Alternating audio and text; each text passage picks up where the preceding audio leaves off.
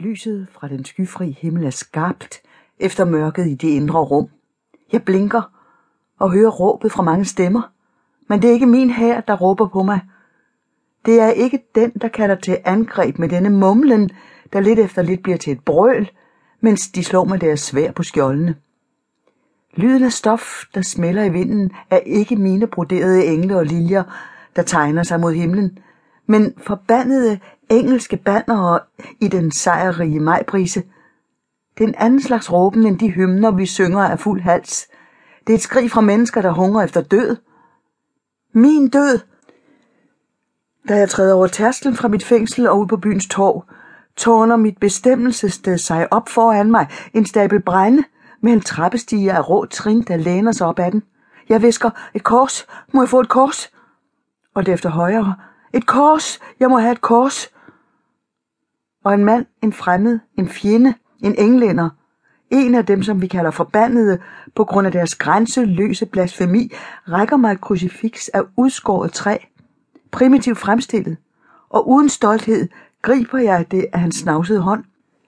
Jeg knuger det, da de skubber mig hen mod brændestablen og puffer mig op ad stigen, og mine fødder skraber hen over de rå trin, da jeg stiger op, højere op end min egen højde, så når jeg den vakkelvorne platform, der er tømret sammen øverst på bålet, og de vender mig brutalt om og binder mine hænder til pælen bag min ryg.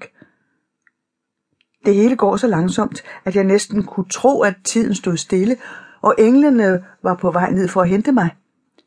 Der er sket mere mærkelige ting. Kom de ikke efter mig, da jeg vogtede for? Kaldte de mig ikke ved navn? Anførte jeg ikke en hær for at komme Orléans til undsætning? Kronede jeg ikke dofængen og fordrev englænderne? Jeg, helt alene. En pige fra Domremy, som fik råd af englene. De tænder pindebrændet for neden, og røgen bølger omkring i brisen. Så får ilden fat, og en varm sky indhylder mig og får mig til at hoste og blinke. Mine øjne løber i vand. Ilden svitser allerede mine nøgne fødder.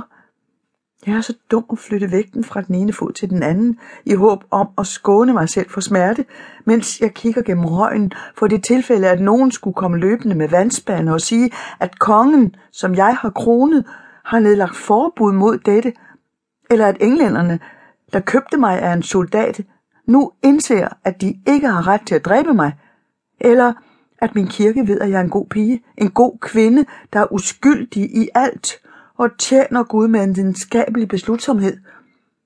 Men der er ingen redningsmand i den tætpakkede mængde.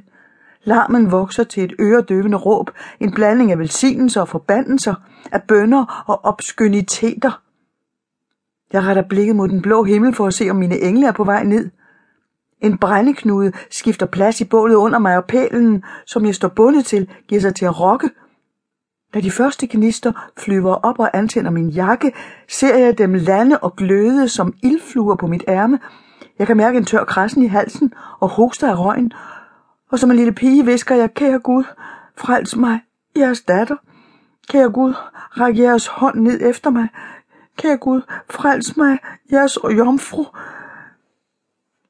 Der lyder brav, brag, og jeg får et slag i hovedet. Så sidder jeg forvirret på gulvbrædderne i mit soveværelse med hånden mod det forslåede øre og ser mig dumt om uden at få øje på noget.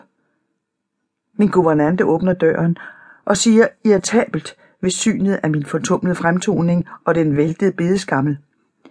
Gå i seng, Lady Margaret. Det er langt over jeres sengetid. Hvor frue sætter ikke pris på ulydige pigers bønder. Det er ingen dyd at overdrive. Jeres mor ønsker, I skal tidligt op i morgen. I kan ikke blive oppe hele natten for at bede. Det er tåbeligt. Hun smækker døren i, og jeg hører hende sige til tjenestepigen, at en af dem må gå ind og lægge mig i seng og sove ved siden af mig for at sørge for, at jeg ikke står op ved midnat og giver mig til at bede igen. De bryder sig ikke om, at jeg følger kirkens tidebønder. De stiller sig imellem mig og et fromt liv, fordi de siger, at jeg er for ung og har brug for søvn.